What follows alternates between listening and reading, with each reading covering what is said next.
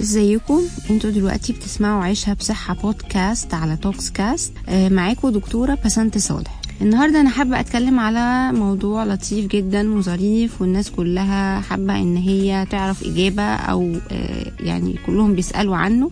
هو موضوع الكبسولة السحرية. الكبسولة السحرية اللي هم عايزين ياخدوها وتاني يوم يلاقوا نفسهم نزلوا بالعشرة وبالعشرين كيلو من غير ما يعملوا مجهود ولا يبذلوا رياضة ولا يحرموا نفسهم من الأكل. وللأسف اللي بيساعد على إن هم يدوا يعني يدي للناس أمل آه، الكوميرشلز المالية التلفزيونز آه، حد يكون مثلا جايب دواء من بره مستورده وعايز يصرفه بأي طريقة فأسهل حاجة إن هو ينزل إعلانات في التلفزيون والناس كلها تجري وتشتري على أمل إن هي فعلا تخس. طيب إحنا لازم نفهم الأول إن أي حاجة موجودة علشان تساعدنا إن يعني إحنا نخس لازم نفهم مصدرها إيه وهي عبارة عن إيه. الأدوية اللي موجودة بتساعد إن هي تقلل وزننا أو إن هي تتحكم في السمنة بتاعتنا أو في شهيتنا. categories كتيرة جدا. أول category هو الأدوية اللي بتسدلي الشهية تمام. بتقفل الشهية علشان ما أكلش آه، كتير. ودي بتبقى فيها مادة هي مش غالبا هي فيها مادة اسمها مادة السيبوترامين. المادة دي banned من ال market من ست سبع سنين تقريبا. لأنها لقوا اعراضها الجانبية كتيرة جدا ولقوا إن هي ناس كتيرة بدأت إن هي تاخدها علشان فعلا جايبة نتائج هايلة ان هي فعلا بتسد الشهية وبتجيب يعني dramatic results مع ال cases والناس بتخس عليها لكن لقوا إن ال side effects بتاعتها يعني عنيفة شوية. بتبدأ الأول إن هي آه بتسد الشهية بتتحكم في الشهية كويس جدا. آه، لكن بترفع الضغط آه، يعني ضغط الدم بيرتفع بتلخبط ضربات القلب بتعمل عصبية بتخلي الجهاز العصبي على طول في حالة آه، هياج وأرق. بتلخبط طبعا مواعيد النوم ولا قدر الله ممكن توصل الأعراض إلى سكتة دماغيه فلقوا لا إن الناس كتيرة قوي بدأت إن هي تاخدها وبدأوا إن هم يوصفوها لبعض. أنا صاحبتي خست عليه طيب ما تجربيه وهكذا. وبدأ الموضوع يعني ينتشر وال side effects طبعا تزيد آه، لحد ما لقوا طبعا cases حصلت وفيات يعني. وبالتالي هم أصدروا قرار إن هي لازم تتسحب من من السوق.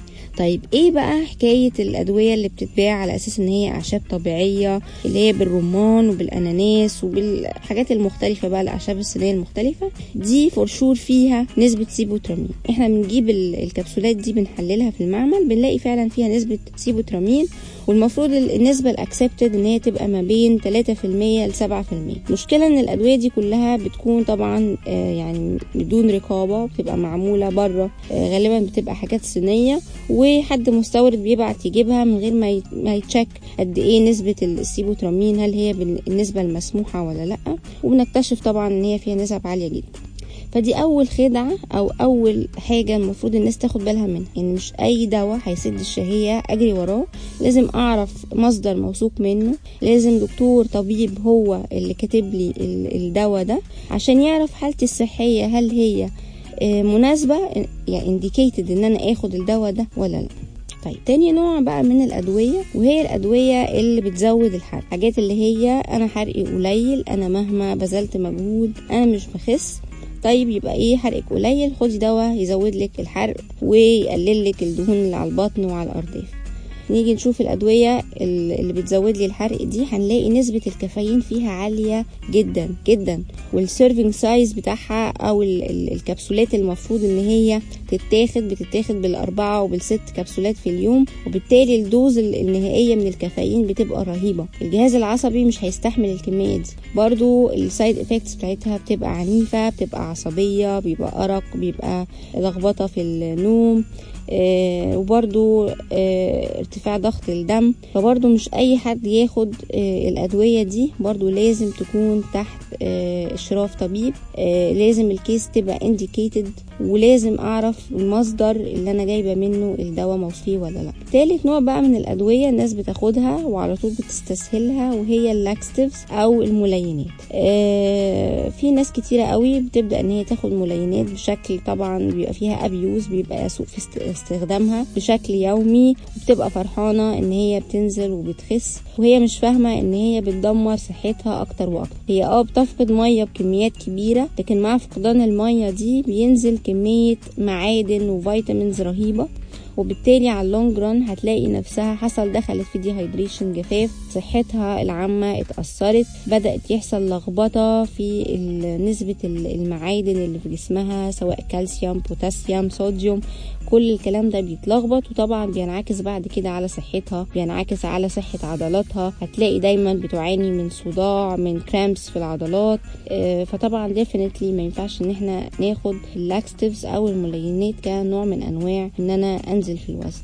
بعد كده عندي الأدوية اللي هي بتعتمد على إنها تقلل لي نسبة الدهون في, في الأكل. هي مادة المادة العلمية اسمها أورليستات وهي يمكن المادة الوحيدة FDA approved. FDA ده اللي هي المنظمة اللي بتمنح ال approval على سواء الأغذية أو الأدوية في أمريكا. فهو تقريبا هو الدواء الوحيد اللي واخد ال approval ده.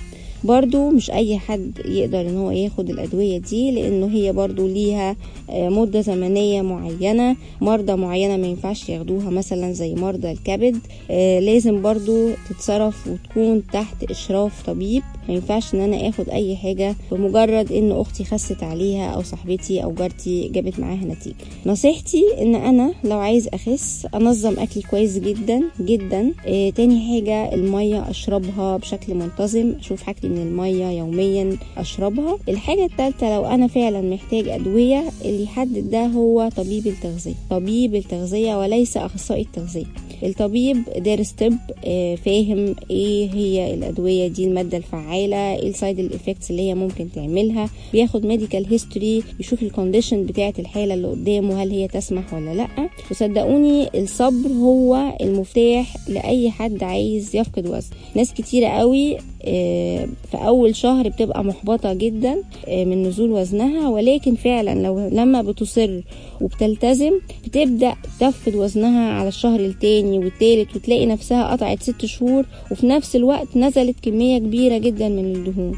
وتفتكر بقى أيام أول ما بدأت ال diet وهي حاسة إنها فقد الأمل فتلاقي نفسها لا إن الموضوع يستاهل إن أنا أصبر ويستاهل إن أنا يعني أتحمل على نفسي وآخد ال process واحدة واحدة. واللي بيسهل ده إن أنا أخلي الموضوع life style لو كان life style و daily routine من من حياتي اليومية الموضوع هيبقى أسهل كتير. آه ميرسي ليكم وإن شاء الله أشوفكم في الحلقة اللي جاية.